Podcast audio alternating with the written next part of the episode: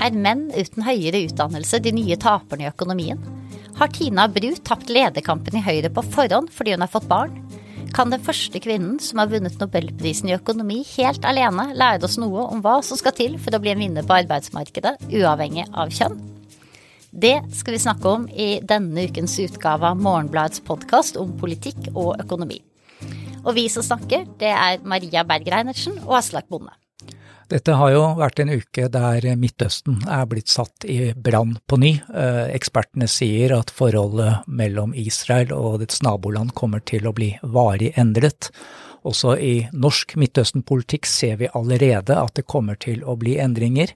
Men det er så mye usikkerhet denne uken, det er så mye som er i forandring, så vi har bestemt oss for å skyve det temaet foran oss. Og så skal vi snakke om noe annet som har skjedd denne uken, som på et vis er mye mindre viktig, men som i seg selv er ekstremt interessant likevel, nemlig tildelingen av Nobels minnepris i økonomi. Ja, for denne, dette årets vinner av den uh, minneprisen i økonomi, uh, det er Claudia Goldin, amerikansk arbeidsmarkedsøkonom. Og det, skjønner du, det er òg kult. Fordi at uh, Goldin, hun forsker, på, hun forsker, på, arbeidsmarkedet. Hun forsker først og fremst på kvinners rolle i arbeidsmarkedet. Det er det hun det er, der, det, er, det er det hun har starta, det er det hun er blitt kjent for. og det som er er så spennende med det, det er det at hun gjør det på en måte hvor hun ikke bare er opptatt av å liksom måle øh, lønnsforskjeller og helt til deltid og hvorfor kvinner ofte har dårligere utfall enn menn i arbeidsmarkedet. Men hun er også veldig opptatt av å studere fremgang. Når er det en lykkes, hvilke bransjer er det en lykkes, hva er det som skal til for å skape utjevning i arbeidsmarkedet? Hun er jo økonomisk historiker, har jeg lest meg frem til, så på en måte tar du på sparket hvilke fremganger hun har dokumentert? Eh, altså, Først og fremst kanskje det at hun har vært sentral i å etablere det her feltet. da. Eh, kvinne, altså, dette er jo en godt voksen dame på, på 77 år. Da hun begynte å, å, å, jobbe som økonom, så hadde mentoren hennes han forska på slaveriet. Og, og, det var egentlig der hun også begynte. Og, så ble hun litt, og det gjorde henne nysgjerrig på om fordi man fant ikke de samme forskjellene i yrkesdeltakelse mellom svarte menn og svarte kvinner som man fant mellom hvite og svarte. Og så lurte hun på om det kanskje kunne ha noe med å gjøre at normene for å arbeide var litt annerledes hos svarte kvinner. Rett og slett fordi at de kom, da, eh, grufullt og sørgelig nok, fra en kultur, ikke sant, med, med slaveri, der, hadde, der både kvinner og menn jo hadde vært tvunget til å jobbe. Uh, og her, allerede her ikke sant, så skjønner vi at hun har litt sånn Hun har et ganske bredt interessefelt, fordi hun er, hun er, hun er ikke bare interessert i det vi økonomer ofte er interessert i, nemlig den økonomiske motivasjonen for å jobbe. Ikke sant? Klassisk spørsmål i norsk arbeidsmarkedsøkonomi. Er det mer lønnsomt å jobbe enn å gå på trygd? Hun er også interessert i de her normene som gjør at den i det hele tatt liksom kommer seg organisere familielivet f.eks. sånn at begge to jobber. Og normer, det mm. har da kommet opp i den politiske debatten de to siste ukene. Eh, fordi eh, en eh, kommentator i Dagbladet, eh, Sondre Hansmark, skrev en artikkel om etterfølgerne til Erna Solberg hvis hun skulle trekke seg. Og som vi vet så er det Henrik Asheim, Tina Bru og Ine Eriksen Søreide som er de mest aktuelle. Og så skrev Sondre Hansmark eh, om Tina Bru at hun hadde blitt hengende litt, hadde mistet fart fordi hun har hatt et komplisert svangerskap og har vært hjemme veldig lenge med barn. Hvorpå det ble selvfølgelig fyr i sosiale medier. Eh, en tverrpolitisk allianse av kvinnelige politikere fordømte eh, den relativt unge, tidligere unge venstrelederen Sondre Hansmerk, eh, og, og, og, egentlig dømte han rett tilbake til steinalderen. Men ikke sant, det er jo Han gjenga jo noe som mange sier, at når kvinnelige politikere får barn, så forsvinner de litt ut, og så er det vanskelig for dem å hente seg inn igjen. Altså at det er en norm, på en måte, at, eh, at de ikke er så uh, higne på karriere etter å ha fått barn. Ja, og han, han gjengir jo noe som, som, vi finner igjen, da, i tallene til, til Golden. er et helt fersk uh, studie fra henne som vel ble publisert i år. Der ser hun på uh, ut, der ser hun på utviklingen da, av, av, inntekt for, for, menn og kvinner liksom over livsløpet i arbeidsmarkedet. Så hun ser på dem fra Hun ser på alle som er født liksom fra ja, slutten av 50-tallet, tror jeg, og til 1981. Uh, og så ser hun hva er det som skjer der en, med menn og med kvinner sine inntekter når de får barn. Og så er det jo veletablert, da, ikke sant, det, eh, det Hansmark beskriver her også, at etter at en får barn, så i hvert fall i USA, da, så, så går kvinners liksom inntekter ned, ikke sant, det er en periode de er hjemme, de jobber mer deltid, de, ja, eh, de får ikke rett og slett den samme farten, da, i, i utviklingen, mens for menn så er det akkurat motsatt når de får barn så, så, begynner jo de ofte å tjene mer enn andre menn som ikke har barn. Eh, et eller annet med dynamikken inne i familielivet og sånt, da, som kanskje nettopp også fordi kona går ned ikke sant, i inntekt, som gjør at de kanskje både er nødt til å få støtte hjemmefra til å jobbe flere timer. Og dette er jo også ja. dokumentert i den likelønnskommisjonen fra så langt tilbake som 2008. De viser jo nettopp dette. Ikke, ikke sant? Så uavhengig av hvilke valg akkurat Tina Bru har tatt her, da, det å sitte litt stille i båten mens uh, å, å, slippe å gå ut i krigen og forsvare Erna har kanskje ikke vært uh, utelukkende dårlig.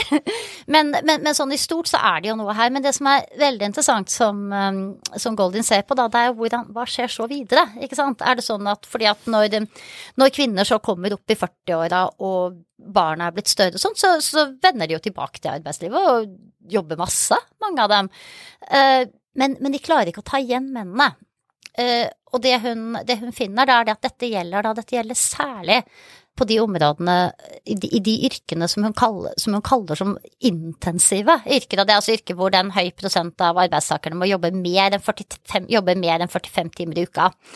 I sånne, hvis man er i sånn, en sånn bransje, da, jeg vet hvor politikk er det Og eh, advokater og sånt. Ja, ikke sant. Ja, mm. så, så, vil du da eh, hvis du er i en sånn bransje når du, når du, får barn, så vil menn da, i sånn 20-30-åra, da øker de arbeidsinnsatsen der, mens kvinner ikke får gjort det samme. Og og det, og det, fører til at de får, da, de får promoteringer, de, får, de øker inn, de, de, får mer erfaring, de gjør noe sånne byks da, karrieremessig, som kvinnene så etterpå, uansett om de jobber kjempehardt, liksom, som 40- og 50-åringer, ikke klarer å ta igjen. Så i disse yrkene så får du da etablert et, et lønnsgap, da. Som Golden sier, hun er en sånn uh, forsker som feller liksom verdimessige dommer, da. Så hun sier at menn får disproporsjonalt mye igjen for den ekstra arbeidsinnsatsen de da gjør i, i 20- og, og 30 år. Altså det som er litt interessant her, det er jo det at hun, hun vender jo liksom ikke bare blikket mot kvinner og kvinners valg. Hun, hun, sier at det er ikke bare det som skjer, at kvinner tjener mindre etter at de har fått barn. Det er også noe som skjer her fordi menn tjener mer, og derfor får en, en fordel. Du sa jo i starten at hun er flink til å finne løsninger problemer, på problemene også. Det må jeg jo si jeg er veldig nysgjerrig på her, fordi jeg har jo et inntrykk av at i politikken så er på en måte løsningen på dette problemet at kvinnene skal jobbe mer, ikke at mennene skal jobbe mindre. Og, og vi har nå eh, ganske mange drivere i samfunnet for at Eh, alle egentlig bør jobbe mer. På mandag var Tonje Brenna ute i NRKs Politisk kvarter og snakket om arbeidslinja, om at flere må jobbe, det var mest om uføre, de som er utenfor arbeidsmarkedet. Men eh, hvis man legger sammen på en måte Arbeiderpartiets opptatthet av arbeidslinja og Helsepersonellkommisjonen, som sier at vi har for få folk i dette landet, vi kommer til å gå tom for folk før vi går tom for penger, så tegner det seg et bilde av at den mulige løsningen på ulikheten mellom menn og kvinner, at menn faktisk jobber mindre. Det ser ikke ut til at det er en løsning. Og da er jo spørsmålet hva slags samfunn skaper vi hvis bare alle skal eh, løpe fortere i det samme tredemølla, og kvinner, enten de er i politikken eller andre steder, skal ta kortere svangerskapspermisjoner for å klare å henge med? Det er vel strengt tatt ikke et samfunn verken menn eller kvinner ønsker seg. Du, ikke denne kvinnen. Nei, du, du, nei, du nei. bare så på meg uten å svare i det hele tatt. Men, men, men ja. spørsmålet er jo da på en måte om ser vi noen alternative veier? Uh, det er jo kjempeinteressant, og, og, og, jeg tenker at det er uh, det er superviktig, fordi at sett, sant, sett fra, fra statens side, da, sant, som skal få det til å gå opp med skatteinntekter og eldrebølge fremover og, og nok hender i omsorgssektoren, ikke sant, så er det jo eh, det har vært noe, gjort noen regnestykker fra SSB på, på sekstimersdagen, ikke sant, som, som, som viser at det, eh, at det kan bli vanskelig, da. Eh, samtidig så så er det jo noe med å at, at, det å bare si at alle skal jobbe mer, er bare si at det er liksom det er, det er heltid, ikke sant. Det, at det er det som gjelder, det, det funker jo på en måte ikke i en, i en, verden hvor vi faktisk tar individuelle valg, valg, om å jobbe eller ikke. Vi ser jo at den heltidskulturen vi har i dag, når den ikke det, Eller altså det heltidsnormen, da, når den ikke fungerer for den enkelte familie, ikke sant, så ender jo veldig mange kvinner opp med å og selv, ikke sant, gå ned i, eh, i stilling og, og lønn og jobbe jobbe deltid med de tapene det har eh, når det gjelder pensjon og mulig karriereutvikling videre, ikke sant. Og da kunne man jo vende litt tilbake til de her studiene til Golden, da sagt det at hva man gjorde litt eng... hvis det er sånn at forskjellene oppstår akkurat når man har barn. Nå er dette amerikanske tall, da, men eh, kanskje ikke helt ulikt for Norge heller. ikke sant? Hvis det er sånn at forskjellene oppstår da, er det da er det liksom lurt for den langsiktige innsatsen i arbeidsmarkedet til kvinner f.eks. at de aldri klarer å ta igjen dette gapet? Eh, lager det egentlig et sånn bærekraftig forhold innad i familien hvis det er sånn at menn ender opp med å måtte kompensere for å jobbe mye mer, ikke sant. Og så har hun lansert et sånt eh, begrep her som heter grådige arbeidsgivere. Og det handler da, så vidt jeg har skjønt, sant, om det her med arbeidsgivere som skaper en kultur hvor de vil ha folk på jobb hele tiden. At i noen bransjer så er det, så er det spørsmål egentlig gjør du så mye nyttig produksjon når du er på jobb, ikke sant, eller er du der mest for å signalisere for arbeidsgiveren at jeg er virkelig en person som gir jernet. Så det er jo liksom steder man kan, kan lete, da, hvis man leter etter, etter, andre løsninger på arbeidslivet enn bare å, å si, si, at dette må Her må man bare jobbe mer, ikke sant. En måte man kan få damer til å jobbe mer på, er jo ved å kutte svangerskapspermisjon, da. Så mm. det blir dyrere å være hjemme. Mm. Ja, og uh, er, I forberedelsene av denne samtalen her, så var jeg litt sånn opptatt av likelønn. Jeg gikk inn og så på mm. likelønnsdagen, som er 16. november i år. Det er den dagen da eh, en gjennomsnittlig kvinne har tjent like mye som Nei, en nei, gjennomsnittlig mann ja, har tjent like mye som en gjennomsnittlig kvinne gjennom hele året. Men så på en måte øh, så var ikke du så veldig tent på å snakke om likelønn. Og så leser jeg da i en uh, artikkel som er på nett i Morgenbladet denne uken, også om hvordan ungdom ikke helt er opptatt av dette, dette gammeldagse likelønns- og kvinneperspektivet i, uh, i uh, kjønnskampen. Og, og, og, det får oss jo over på gutteproblemer kontra jenteproblemer. Ja, så ta to ord om likelønn, da. Altså, det er jo et viktig budskap her, som er det at siden mennene har all inntekt i desember og kvinnene ingenting, så i ethvert heterofilt par så må jo dama få mye større julegave enn mannene. Men, men, men, sånn utover kanskje adventskalender òg, men sånn utover, utover, den kampsaken der, så tenker jeg, jo jeg at jeg syns likelønn ofte blir litt sånn abstrakt, ikke sant, fordi det er eh, dette med lik lønn for likt arbeid, det er noe som alle eh, sånn er, er, sier seg enig i, ikke sant, men så får du fort en diskusjon om hva er likt arbeid, gir det mening å, det, gir det mening å sammenligne uh, sykepleier og en ingeniør fordi de f.eks. har like lang utdannelse, ikke sant, er det da kommer du ned noe som blir litt sånn abstrakt, ikke sant, mens en del av de her gutteproblemene som har tatt mye, mye fokus uh, og mye oppmerksomhet i siste tiden, de, de virker som de er så mye mer sånn følt, liksom, hos det den enkelte mann, da, som, som opplever at han taper på, på flere fronter, at, den, at, yrkesfag ikke er like mye respektert, for eksempel, som uh, høyere utdannelse. At det er vanskelig at damene forsvinner til høyt utdannede menn i byene osv. Og, og der er det kommet ny forskning ja. som viser at det kanskje ikke er så ille sett fra et gutteperspektiv som det har blitt fremstilt Nei, som. Nei, ikke sant, for dette er jo en diskusjon som vi har importert fra USA, egentlig, og så er det noen som har sett på de norske tallene, og hun skal til og med få litt Hun skal få kred, hun skal ta navnet hennes, da, Risa Reisel. Eh, og det Risa, Lisa Reisel har funnet ut, det er det at når eh, At det er for det første ikke sånn at at uh, menn med yrkesfagutdanning er, er tapere lønnsmessig i det norske arbeidsmarkedet. Faktisk er det sånn at kvinner de må jo ha bachelorgrad i snitt for å tjene like mye som menn gjør med yrkesfagutdanning. Så de må ha, være ett utdanningsnivå høyere opp for å tjene det samme. Eh, og så kommer vi til de her som det har vært mye snakk om, de som ikke har, høyere, de, de som ikke har utdannelse i det hele tatt utover grunnskolen. Uh, og der, der, er det helt riktig at vi ser at menn, menn sliter der, men det gjør damer uten, uten, noe mer enn grunnskoleutdanning også like mye, så dette er på en måte et, et felles problem da egentlig på tvers av kjønn, at det er vanskelig å uh, få en god utvikling på arbeidsmarkedet hvis du ikke har noe mer enn grunnskole. Samtidig er det flere gutter som ikke tar videregående utdannelse enn det er jenter, så da kan man jo si at problemet er større for guttene enn jentene. Ja, og da kan man, det kan man, man kan, og jeg tenker jo det er hele den diskusjonen ikke sant, om frafall i, i skolen osv., den, den er jo kjempeviktig her, ikke sant, hva slags jobber man skaper. Men jeg tenker samtidig det at det er litt sånn viktig at, at vi også ikke skaper problemer vi kanskje ikke har, da. Vi, vi trenger jo ikke å snakke menn med en yrkesfagutdanning inn i at de har det så mye verre på arbeidsmarkedet enn en kvinne med sosionomutdanning, for eksempel. Nei, fordi uh, For det er litt annerledes i USA. Der har du mer stagnerende reallønn ja. for de her arbeiderklassejobbene, da.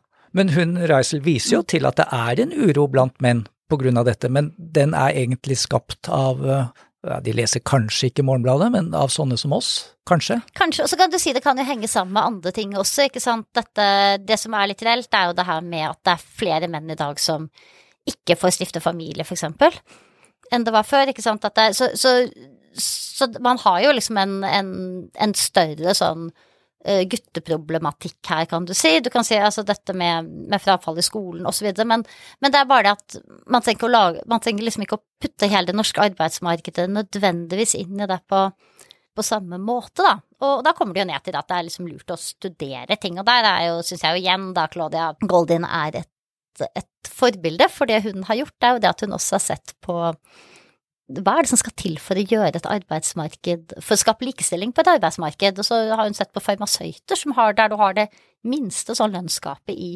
eh, altså der har du veldig lite ga, eh, der, der, er det nesten ikke lønnsforskjeller mellom menn og, menn og kvinner. Og så ser hun på hvordan ble det et sånt, hva skal jeg si, likestillingsvennlig yrke.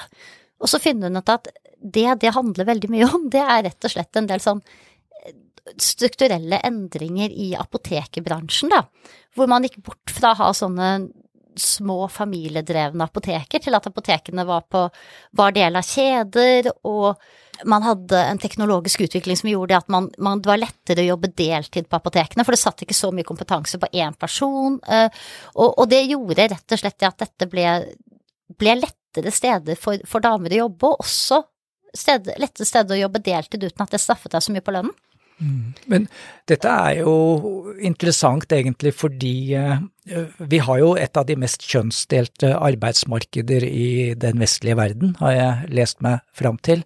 Og og det er jo interessant at hun peker på liksom at uh, strukturelle forhold i apotekene og arbeidsgivere hadde betydning, men jeg har jo inntrykk av at i helse og omsorg, hvor det da er mye deltidsarbeid, selv om uh, sjefene ikke ønsker det, så, uh, så skaper jo ikke det like likhet mellom mann og kvinne i det hele tatt, for det er jo blitt et kvinneyrke. ikke sant? Altså Det er jo ikke menn som Når de går inn i helse og omsorg, så blir de gjerne uh, sjefer veldig fort. Mm.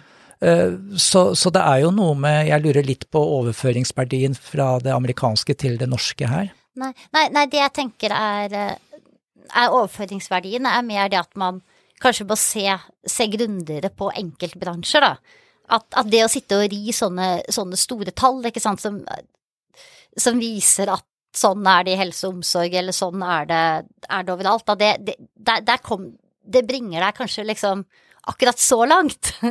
og så må du gå inn og spørre, ikke sant, hva er det i helse og omsorg som gjør eksempel at at en velger deltid, da, ikke sant, eller at en ender opp med deltid. Og der har vi hatt en diskusjon de siste årene, ikke sant, som igjen bringer oss til struktur, da. Arbeidsgiveren her er jo stat og kommune i stor grad, ikke sant, som eh, delvis bruker det, er avhengig av å deltid for å få budsjettene til å gå opp, ikke sant.